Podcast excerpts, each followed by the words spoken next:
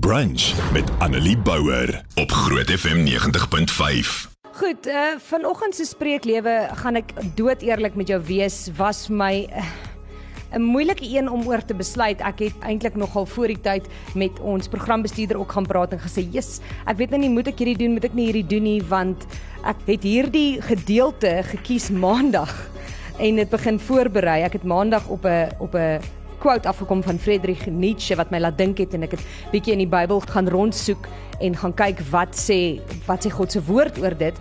En dis nou die groot probleem waarmee ek toe nou sit want ek het maandag op hierdie besluit en dit toe al voorberei. Toe gebeur gister en nou voel dit vir my is hierdie 'n teer saak alhoewel ek dit nie op gister gebaseer het nie. En ek wou eers die hele ding verander en net 'n Bybelversie kry en net 'n mooi Bybelversie gee en sê hierso, dis jou Bybelversie vir hierdie spreeklewe vir Klein Saterdag. Ek het een van my vriende 'n uh, WhatsApp gestuur en gesê, "Jesus, ek wil nie iemand nou kwaad maak nie. Ek is nie lus vir beklein nie. Ek is nie lus om mense seer te maak nie, nie terwyl mense alreeds seer het en alreeds kwaad is en en onseker is nie." En toe stuur my vriend vir my terug, "As jy hierdie maandag al gekry het en as jy dit toe al voorberei het. Beteken dit nie juis dat dit nodig is nie. Beteken dit nie juis dat dit dalk vir iemand daar buite is nie. So, ek hoop jy hoor my hart vanoggend as ek hierdie met jou deel. Ek hoop dat jy regtig my liefde en my hart gaan hoor in wat ek oor praat vandag en dat jy God se liefde ook kan voel in dit waaroor ons praat vandag. So goed. Die aanhaling waarop ek afgekom het maandag wat my baie laat dink het, is 'n aanhaling van Friedrich Nietzsche wat sê beware that when fighting monsters you yourself do not become a monster. For when you gaze long into the abyss the abyss gazes also into you my verskriklik gepla want ek het dit gelees en ek het gedink oor alles wat in ons land aan die gang is oor alles wat in die wêreld aan die gang is en dit het my net laat wonder wanneer kom mens op daai punt wat 'n mens nie die monster word wat jy veg nie dat jy nie die dade wat jy altyd veroordeel het self begin doen omdat dit jy dink dit regverdig dit waarvoor jy veg nie. Toe ek bietjie in die Bybelgrond soek en ek het op op twee verskillende gedeeltes in die Bybel afgekom en dit was vir my interessant want een is in die Ou Testament en een is in die Nuwe Testament en hulle sê so baie dieselfde ding. So dit was 'n Spreuke waarop ek afgekom het en dan Romeine. Nou Romeine 12 vers 21 sê jy moet jou nie deur die kwaad laat oorwin nie, maar oorwin die kwaad deur die goeie. Laat jou nie deur die kwaad oorwin nie, maar oorwin die kwaad deur die goeie. Dis wat Romeine 12 vers 21 sê. Maar nou is die vraag, hoe kry mens dit reg om jou nie deur die kwaad te laat oorwin nie, maar om die kwaad met die goeie te oorwin? sonder dat mense jou vashou. Ek wil begin deur te sê ons leef in 'n wêreld waar daar soveel van die kwade, die bose, die slegte, die verkeerde elke dag om ons is, want ons lewe in 'n sondige wêreld. Ons lees dit in koerante, ons sien en hoor dit op die nuus, ons praat daaroor om braaivleisvure. Dit sluit alles in, dinge soos moorde, huisinbrake, diefstal, motorkapings, korrupsie, die koronavirus pandemie wat wêreldwyd uh, sekere politikuste baat vind uit dit en daarby baat en uh, mense wat hulle werke verloor het. Hierdie negatiewe atmosfeer en omgewing dra sekerlik daartoe by dat as die slegte ons kant toe kom, ons reaksie maklik is om in ons eie munt te wil terugbetaal. Kwaad met kwaad vergeld. 'n Oog vir oog en 'n tand vir 'n tand.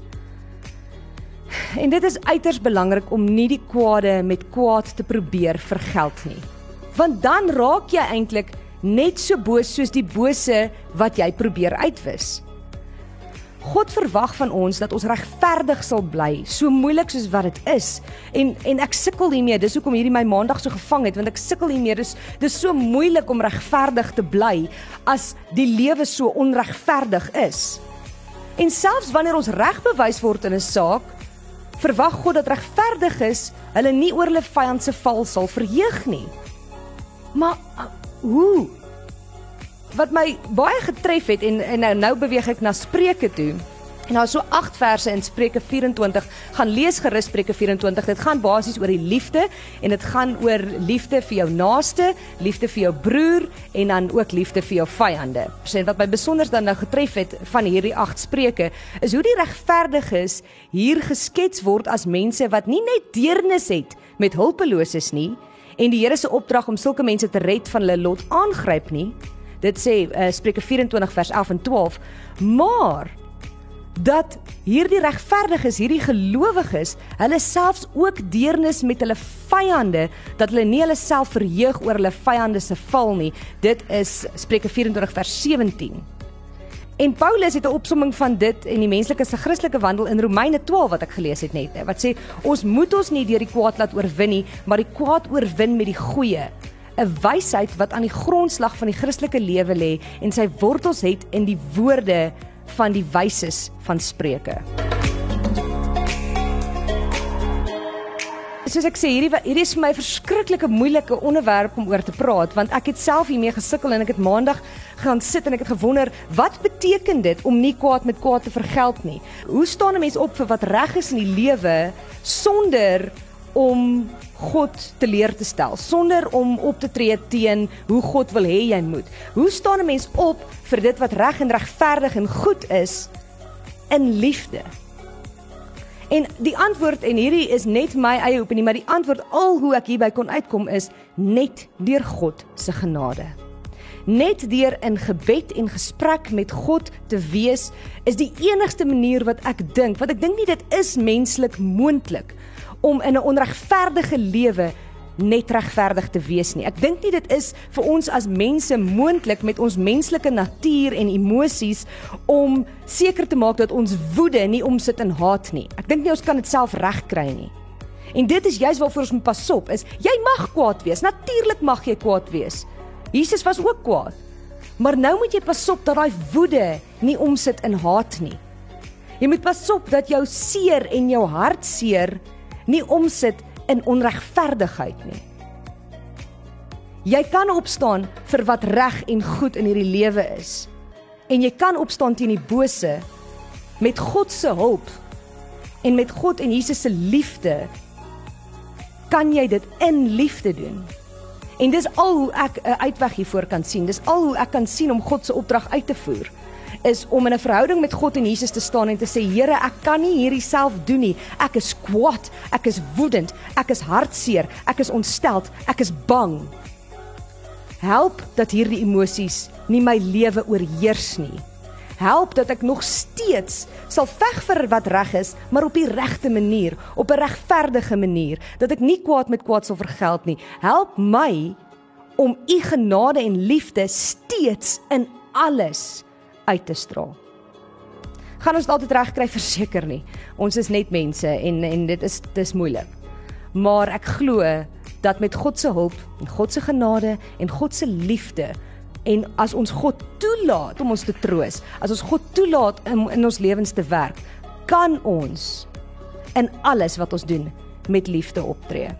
Dit beteken nie dat jy die dat jy gaan wegkyk van dit wat verkeerd is nie. Beteken nie dat jy goeders onder die mat gaan inskuif nie. Beteken nie dat jy nie gaan praat oor wat verkeerd is nie en dat jy nie daarvoor gaan opstaan nie. Jy gaan natuurlik nog steeds. Jy gaan dit net op 'n ander manier doen. En so gaan mense jou raak sien en ons as Christene en gelowiges raak sien en sê, hulle doen dinge anders. Hoe kry hulle dit reg? Mag jy die Here se genade in hierdie week wat kom elke dag beleef. Mag jy omvou word in sy liefde en troos en mag jy in gesprek met God tree en sê Here, help my om altyd regverdig op te tree. Help my om nie kwaad met kwaad te vergeld nie en help my om u liefde in alles uit te dra. Annelie Bouwer, weekoggend tussen 9 en 12 op Groot FM 90.5.